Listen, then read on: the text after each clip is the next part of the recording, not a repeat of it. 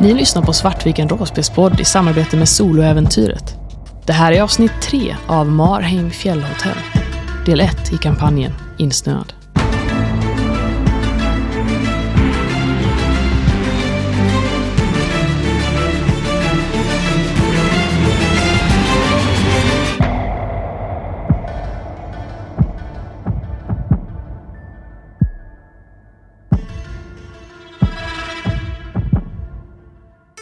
Förskräckt roffar du åt en stor hårtova i din hand. Och det är då du vaknar upp i din säng. Du inser, det var bara en mardröm. Du smög dig inte in i livsrum. Du betedde dig inte som en stalker. Du andas lättat ut. Tills du inser att du i din hand håller en stor hårlock ifrån henne. Va? Jag stirrar på den här hårlocken och bara... Vad har jag gjort? Jag förstår inte. Det måste, det måste vara hon. Nej, det funkar inte. Jag, jag kan inte vara kvar här. Inte, inte om hon är ute efter liv också. Jag måste härifrån. Jag slänger ihop mina kläder i en eh, trunk som jag har och är på väg ut ur dörren. För att ta mig till ytterdörren. Kristoffer, du kan notera en snedsträck i bestående förlust på kropp. Du vaknar i din säng. Du ligger mitt i lågorna som brinner på sängen just nu. Någon har sett din säng i ljusan lågor och du ligger där och känner hur lågorna svider mot ditt skinn. Vad gör du? Jag rullar av sängen. Du kan ju känna att när du landar där att du träffar eh, någonting eh, hårt som ligger där vid sidan om som liksom trycks in i din rygg. Och eh, du ser hur lågorna börjar falna uppe på sängen. Jag rullar vidare bort från den här hårda saken och försöker se vad det var. Du kan se att det ligger på sidan av sängen en bunsenbrännare. Vad har du i naturvetenskap? Noll. Det är en, ja, en brännare. Typiskt så här. Ja, du kanske inte känner till så mycket mer än att du har sett det i någon high school-serie någon gång. Jag vet att den sätter eld på saker i alla fall. Ja, men du lägger märke till också en sak. Uppe på sängen, på överkastet, så är det helt bränt över det. Förutom ungefär där du låg, där det har bildats tre bokstäver där det inte har tänts alls på överkastet. E, I, R. Ejer. Är det stora bokstäver? Ja. Brinner det fortfarande? Nej, det har slocknat. Jag ställer mig upp och tittar. Du kan se att det på nattduksbordet ligger ett halvt smält silverkrucifix. Jag rynkar pannan. Vad i helvete är det här? Är det Erik som har... Jag drar på mig kläder. Börjar rota i min väska och tar fram eh, min kniv. Gömmer den liksom innanför kläderna. Och sen tar jag mig ut i korridoren. Vad är klockan? Klockan är väl eh, framåt åtta snåret. En uh, regelteknisk fråga. Ja, Är det skillnad på att ta ett kryss och att ta ett snedstreck? för Kristoffers karaktär är det det. Ah, okej. Sa ju det! You know nothing. Åsa-Marie, du vaknar upp där du sitter hängd över böckerna på skrivbordet. Du har fått lite mer sömn. Du hör något så här gnisslande ljud bakom dig av att någonting gungar lite lätt fram och tillbaka. Jag sätter mig lite sömndrucket upp och kisar med ögonen. Och, och så noterar jag ljudet och vänder mig om. Slå ett omskakande skräckslag med utstrålning. 10 ska du upp i. Jag tror det kommer upp i fem.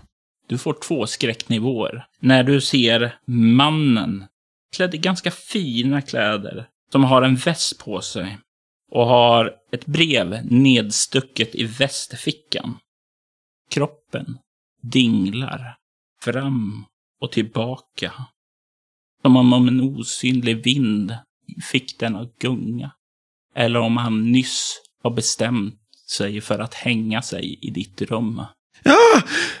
Jag eh, halvt ställer mig upp och halvt försöker backa över stolen så att jag ramlar baklänges och brakar i golvet med stolen intrasslad i, mellan benen.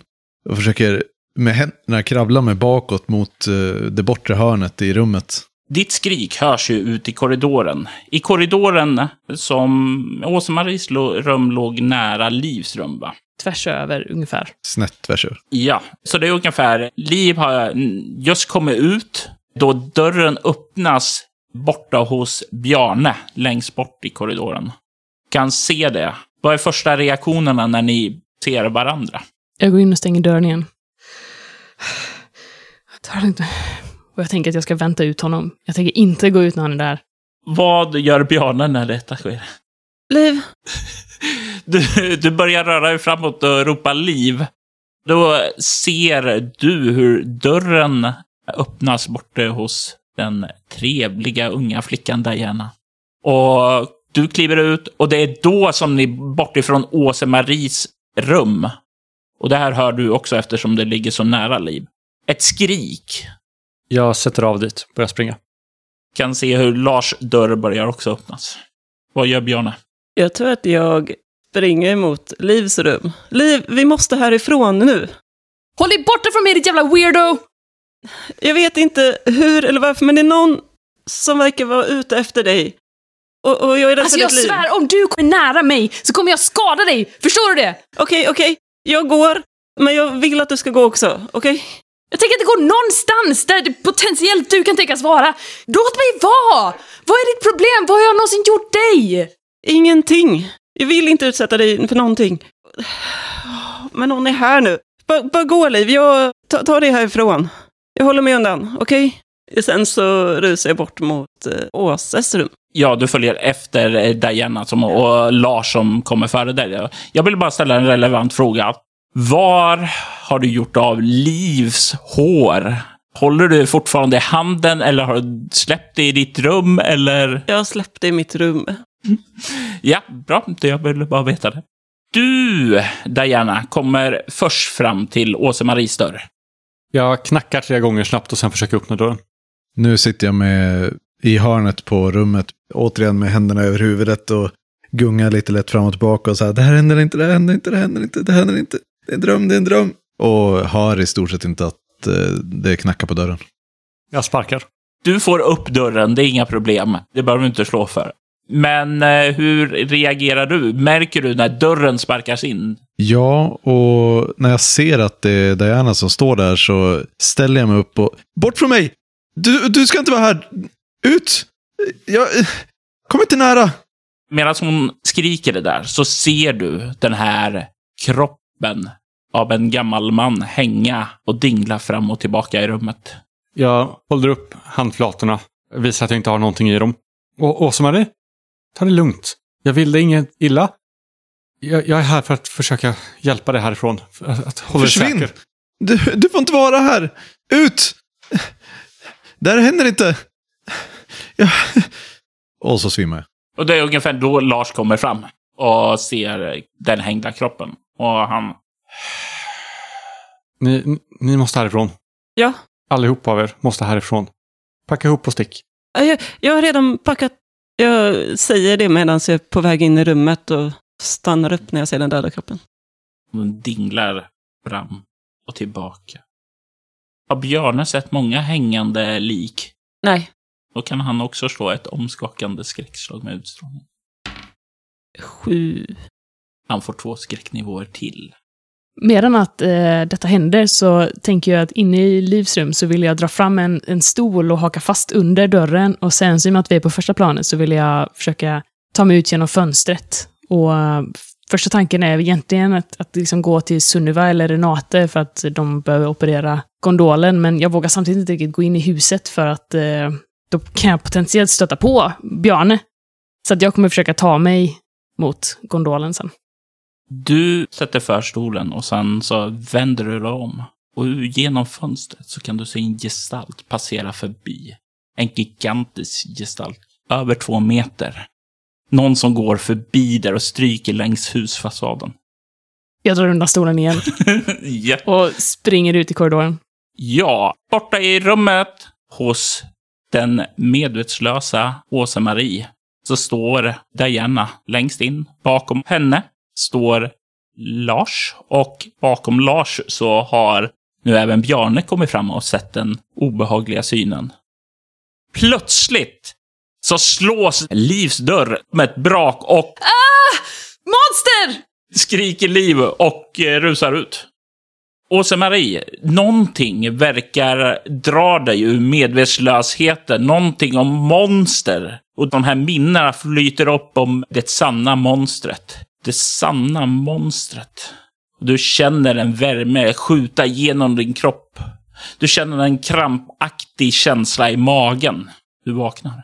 Jag vaknar och slår upp ögonen och ser kroppen igen och har bara den här tanken på monster i bakhuvudet och nej, nej, jag, jag har inte gjort något. Det är inte, det är inte jag. Jag är oskyldig. Jag, jag lovar. Jag snäser åt Bjarne, nickar liksom åt Åsa-Marie så här, ta hand om henne. Sen rusar jag iväg efter Liv. Jag rusar ju in i Livs rum. Det blir ju som så att du skriker och ta hand om Åse-Marie, Diana. Men eh, reaktionen blir snarare att du springer in i Livs rum istället. Lars gör en nick åt dig och rör sig fram till Åse-Marie då. Jag har ramlat ut i korridoren egentligen och så här slagit i den motsatta väggen från min dörr sett och kasat ner där. Tittar fortfarande in mot det jag såg. Jag är ju ändå utanför Diana också. Så jag tänker att jag ändå hinner fram först. Ja, Ja, det är det, gör du. Tittar in mot Livs rum. Du kollar in emot Livs rum. Det känns som en känsla av déjà vu när du kliver in där. Men du ser inga monster. Och jag ser inga foton eller något sånt. Nej, såvida inte Liv har eh, ställt upp några foton eller sådant där inne. Eh, Typ foto på mamma. Eller på dig eller på någon. Ja, nej, jag tänker att jag inte har med mig någonting sånt Nej, alls. Mm. Men det är inget här inne. Jag såg det. Det, det, det gick utanför. Jag, Jag kommer och sätter mig på huk bredvid Liv. Ta det lugnt. är lugn! Jag, jag är här för att, för att skydda dig, okej? Bara ta, ta det lugnt. Berätta vad du ser. Det var någon, någon varelse som gick utanför fönstret. Jag... Jag vet inte! Åt, åt vilket håll gick den? Förbi! Där! Ditåt! Jag pekar åt det Och du pekar alltså eh, mot en sida som går runt åt vänster om ingången till hela hotellet. Alltså upp lite grann mot eh, skogen och så.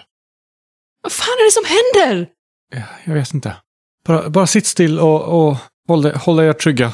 Vadå sitt still? Vi måste ju härifrån! Jag börjar gå därifrån. Ni som samspråkar med Diana kan ju se att hon ser lite blekare ut än tidigare. Hon ser lite svagare och mer, lite grann som hon är sjuk. Jag vet inte något om något monster. Jag kom hit för ett tag sedan för att det var någon som följde efter mig och hotade mig. Och det har varit lugnt här under hela tiden. Det har varit lugnt här när du och jag har varit här, Liv, också. Men nu har det ju börjat hända grejer och jag har fått ta emot hot igen. Så jag håller med, vi måste härifrån.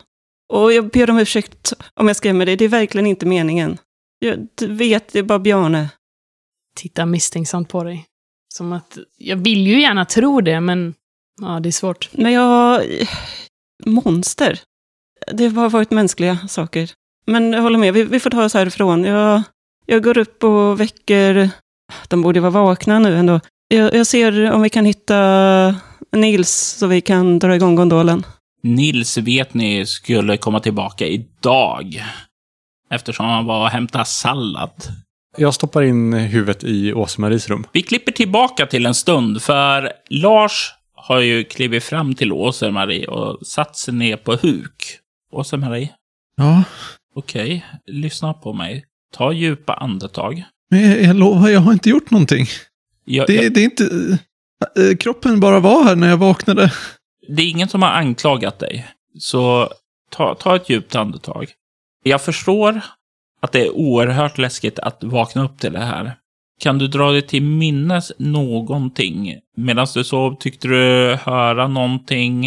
Eh, någonting som gled igenom när du sov, kanske i drömmarna? Hörde du någonting som För ibland är det så att man, medan man sover, att man kan lägga märke till saker även om man inte verkligen hör det. Nej, nej, jag såg ingenting. Det var... Det var... Jag märkte ingenting. Det, var bara... Jag sov bara. Okej. Jag, jag skulle ju rekommendera om vi reser oss upp nu, se till att du får på dig lite kläder och sen går ut ur rummet där den här kroppen finns. Så kanske få i oss lite frukost eller kaffe så kanske det känns lite bättre sen.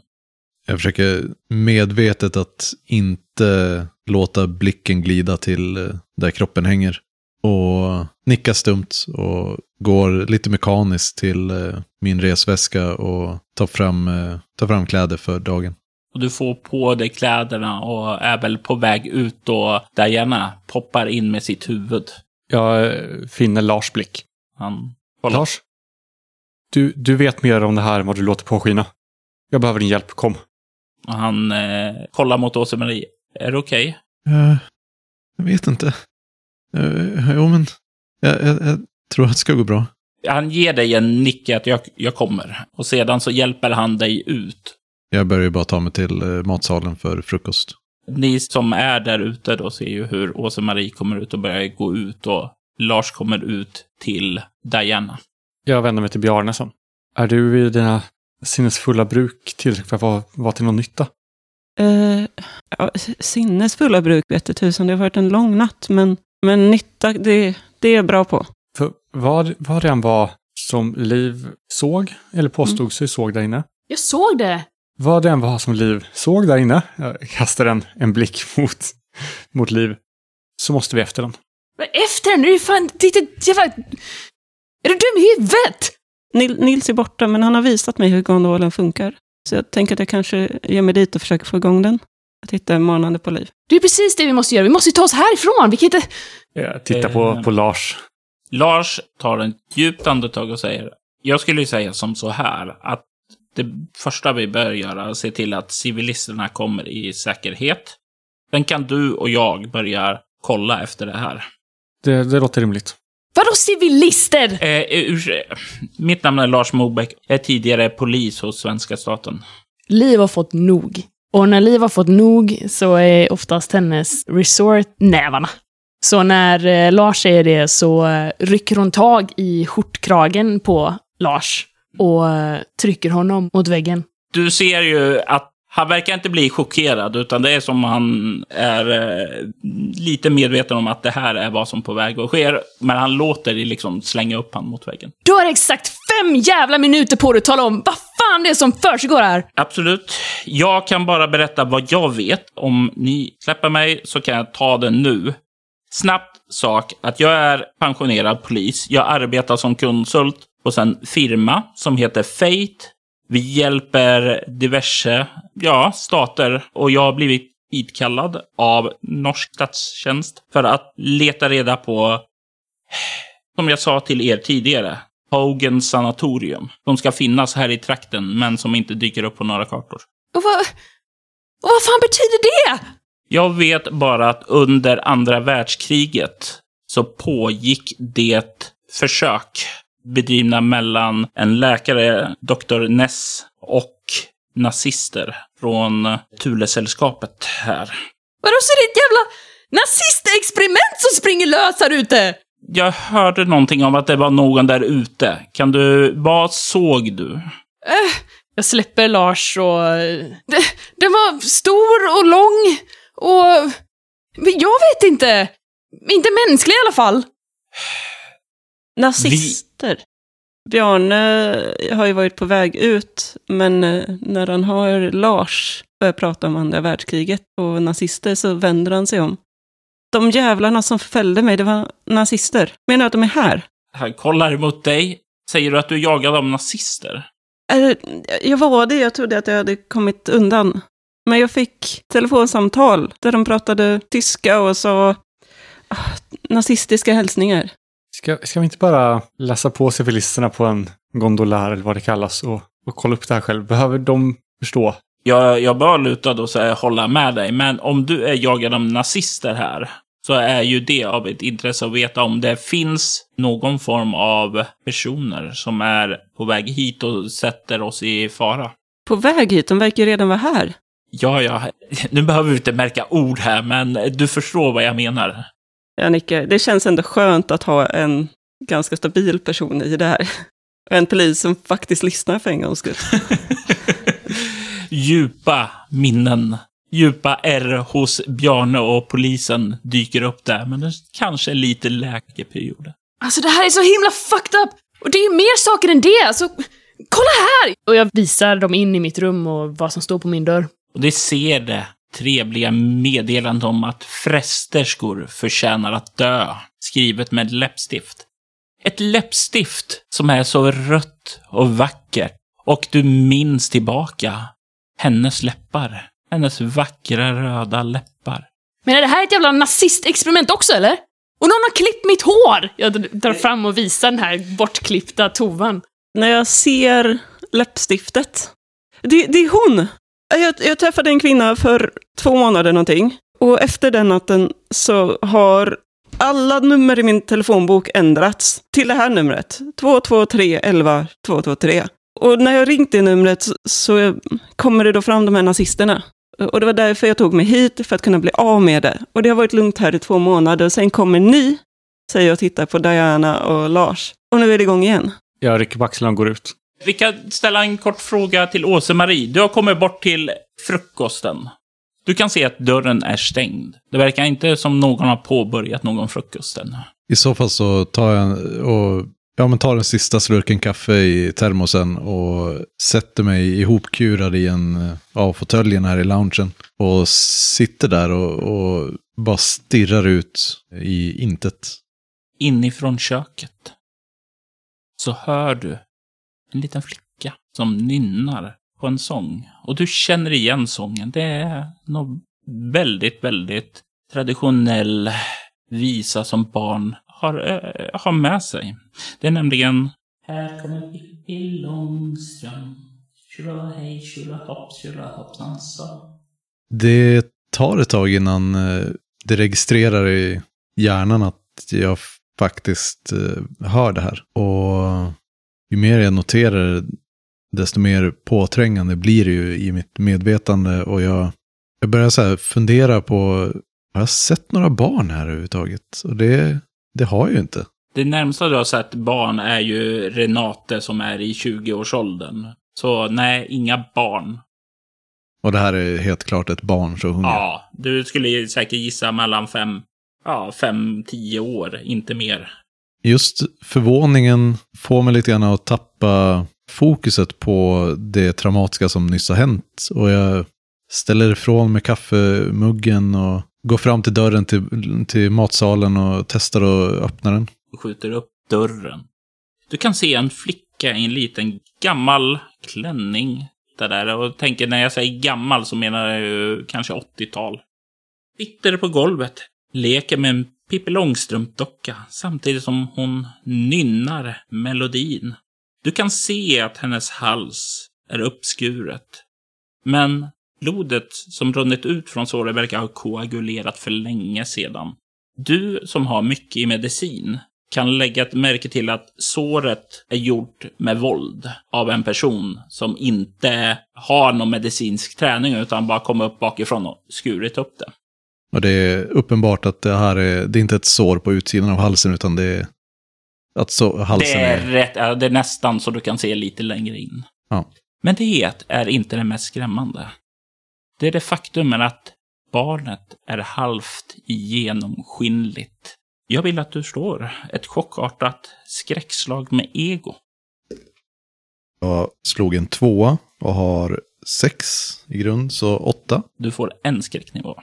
Det känns rimligt på något sätt att jag vill aktivera min Kratos som svar på det. Då kan du spendera en bestående förlust i valfri egenskap. Och då, det tar jag ego. Då var det en tärning jag slog va? Två tärningar och lägger på plus ett. Eh, fem. Så det lyckas inte. Det lyckas inte. Nej, det händer ingenting. Du ser den där synen och sitter och leker och kollar upp emot dig och vinkar. Hej! Jag blir stående helt fryst på plats. Och en liten del av min hjärna börjar på gå igenom försöka motivera för mig själv varför är det här, på vilket sätt kan jag se att det här är en dröm? För det här måste ju självklart vara en dröm. Men eh, jag lyckas inte rationalisera att det skulle vara en dröm i mitt huvud. Och jag blir bara stående och stirrar på det här barnet. Och kan inte göra någonting. Barnet reser sig upp, ställer sig och kollar mot dig. Vill du leka med min docka? Du räcker fram den emot dig. Du, du är inte riktig. Det, det är nästan lite elakt att säga till folk. Jag är visst riktig. Jag börjar backa. Jag heter Carolina. Vad heter du? Nej, nej, nej, nej, nej. Du känner hur din rygg kommer upp mot väggen på andra sidan. Hon har nu kommit fram och står i dörröppningen. Jag blundar. Och du hör i ditt huvud ekot av Här kommer Pippi Långstrump. Tjolahej, tjolahopp, tjolahoppsan sa. Jag kniper ihop mina händer så att naglarna tränger in i handflatan. Och fram till dess att blod börjar på rinna ner för knogarna. Och du känner hur den här magkrampen, den väller över dig. Du känner hur du börjar kallsvettas och du känner plötsligt hur en värme frigörs ifrån dig. Vi klipper till eh, er andra. Var var ni på väg nu? Jag gick ju därifrån. Jag ska gå ut och kolla efter spår. Lars kollar ju liksom på er när Diana börjar gå. För du hade ju konfronterat honom, eh, Liv, med saker och ting här. Vad gör Liv härnäst? Vad fan går hon nu då? Alltså vi måste försöka ta oss härifrån. Okej, jaha, packa ihop allt ni behöver så följer jag med till gondolan och ser till att ni kommer. Du kunde hantera gondolan. Äh, Jag tror det. Utmärkt. Såg någon vad Åsa-Marie tog vägen? Nej. Jag skakar på huvudet. Okej, hur mycket har ni kvar att packa? Jag är färdig. Jag med. Och du kan se hur han eh, vänder sig och ropar Åsa-Marie! Åsa-Marie! Vi kan höra eh, långt bort att en ytterdörr slår igen då Diana tar sig ut. Och i nästa ögonblick så ser ni hur plötsligt Liv och Åse-Maries säng slår upp i ljusan lågor. Det börjar att brinna där. Jag kutar ut. Ja, jag med. Men vi har ju väskorna med oss. Jag Ja. tittar, jag tittar på Let's just run! och springer. Och ni börjar rusa utåt. Diana, du kommer ut på framsidan. Det är kraftigt snöfall. Jag är ju bara iklädd natt... Eller pyjamasen och ett par tofflor. Men jag går bort, ut i snön och kollar efter spår. Känner ju kylan eh, gå emot ditt ben. Men du vet ju, du vet ju att du kan bita ihop och uthärda. Och du börjar röra dig och du ser att det är svårt att följa spåren för ganska kraftigt snöfall. Så jag vill att du slår ett ego överlevnad svårt slag. Åtta. Du tar och rör dig en bit, börjar inse när det har redan snöat i kapp.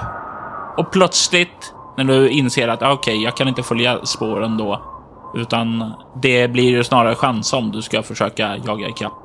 Så ser du hur det är ett ljus tänds ifrån livsrum. Och det känns som, eh, inte ett elektriskt ljus, utan som en eld. Jag slår sönder fönstret. Du tar dig inåt där, ja. Och kan se att det brinner i sängen.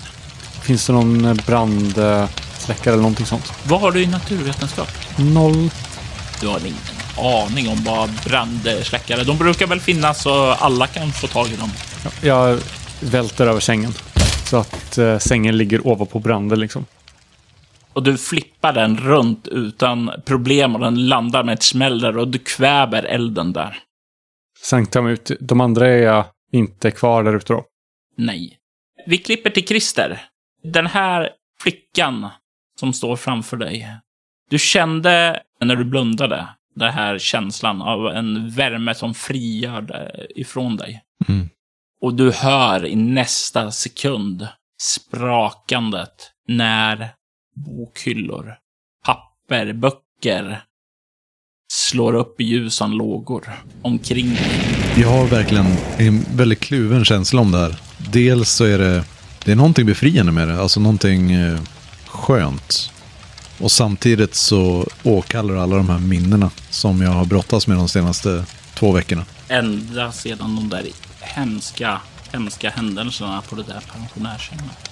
Ja, det åkallar ju verkligen minnena från det här hem- hemska som hände på Tegs seniorboende. Ja, jag fortsätter nog stå där med ögonen stängda. Jag försöker övertala mig själv om att det här är bara ett, eh, någon fantasi som min hjärna håller på att bygga upp. Det är en psykos. Det är någonting som min hjärna tror händer. Det är inte på riktigt. Du hör flickans röst där genom det sprakande från elden. Är du vän med herr Knivskär? Han lovade att komma tillbaka till mig. Jag slappnar av lite grann och öppnar ögonen. Och du ser henne stå ja, i dörrkarmen som brinner. Hon står mitt i en eldsbåge och du kan se varma, höga, intensiva eldsflammor som brinner nu ifrån tapeterna och eh, soffan där. Men hon står oskuldsfull med sin Pippi Långstrump-docka i eldsbågen. Vem är, vem är Knivskär?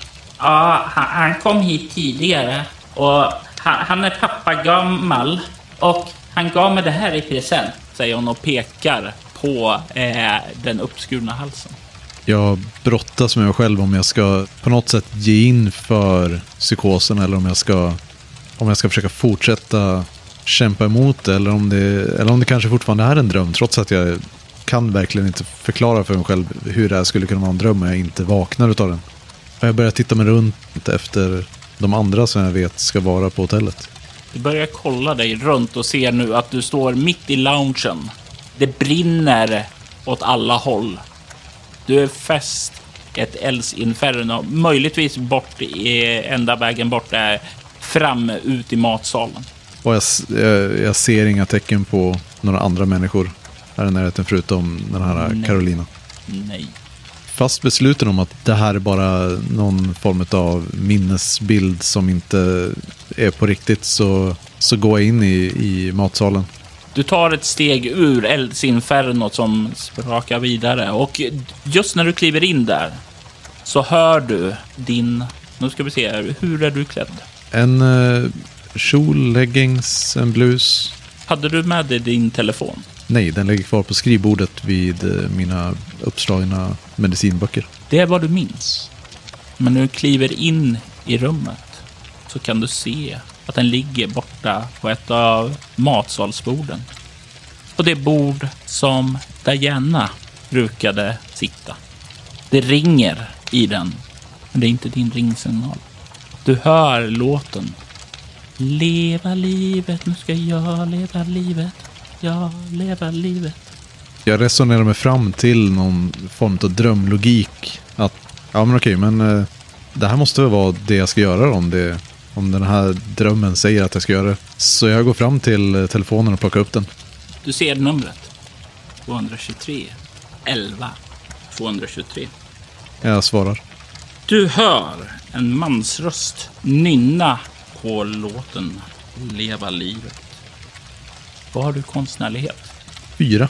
Du kan höra Lars röst nynna på Leva livet.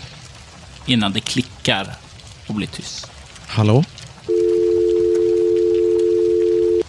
Jag lägger tillbaka telefonen på bordet och försöker titta efter en... eh, Att drömmen på något sätt ska leda, eh, visa mig vägen för vart jag ska gå nä- näst. Du står där, spanar utåt. Vi klipper bort ifrån dig nu. Liv och Jarne, ni börjar röra er utåt medan Lars börjar leta efter Åse-Marie. Ni kommer ut genom receptionen och kan öppna upp dörren till utomhus och då ser ni ju det snöar riktigt, riktigt mycket. Och har ni klätt på er ordentligt också? Jag tror att jag har ryckt tag i min eh, ytterjacka på vägen ut. Den hänger nog i hallen och hoppar liksom i mina skor. De är inte ordentligt snörade. Och du lär inte ha några långkalsonger eller något sådant då heller. Nej. Jag är ju klädd i mina, mina vanliga, det jag åker snowboard i. Det är nog underställ och hela köret i och med att jag hade ju tänkt att jag skulle... Jag klädde ju på mig för att åka härifrån i morse. Ja. Kort och gott så kan vi säga att Liv som har specialiseringen köldresistent och är ordentligt klädd kommer inte ha något problem med kylan. Bjarne däremot får lita på sin manliga bravado för att överleva den här färden. Ni kommer i alla fall ut där och det var mot gondolan ni var på väg. Mm. Och det är ju som sagt 500 meter. Men 500 meter i en stark snöstorm tar på krafterna. Håller ni ihop eller försöker ni röra er så snabbt som möjligt? Hur färdas ni? Jag vill ju inte hålla ihop med Bjarne. Det... Du vill lämna honom bakom dig och ta det härifrån ensam. Alltså... Liv är sliten. Det är någonstans... Bjarne är den som kan operera gondolan. Men någonstans så... Alltså, Liv har fått ganska dåliga vibbar av Bjarne, speciellt efter att hon vaknade upp med det här någon har skrivit på hennes dörr och... Det finns en okänd faktor i det här som Liv inte är bekväm med. Ja, då vill jag att ni slår ett kropp överlevnad. Aj, Elva. tio. Ja, det är ju som så att du vill ju pulsa på för det, men Bjarne rör sig ganska snabbt. Jag kom på att äh, jag har ju två stycken tärningar på köldresident. Får jag slå en till då? Det kan du få göra. Det var en specialisering kom jag på. Oh! Så eh, 16 då. Du, eh, Bjarne, ser ju hur Liv eh, pulsar på väldigt, väldigt snabbt. Betydligt snabbare än dig som går, har stuckit ner fötterna i eh, sina skor och eh, går med alldeles för tunna kläder. Att det, det blir huttrande och sådant. Du måste ju nästan så här komma igång och göra åkerbrasor bara för att hålla dig varm. Det är säkerligen åt, nedåt minus 30 grader nu och du skallrar tänder.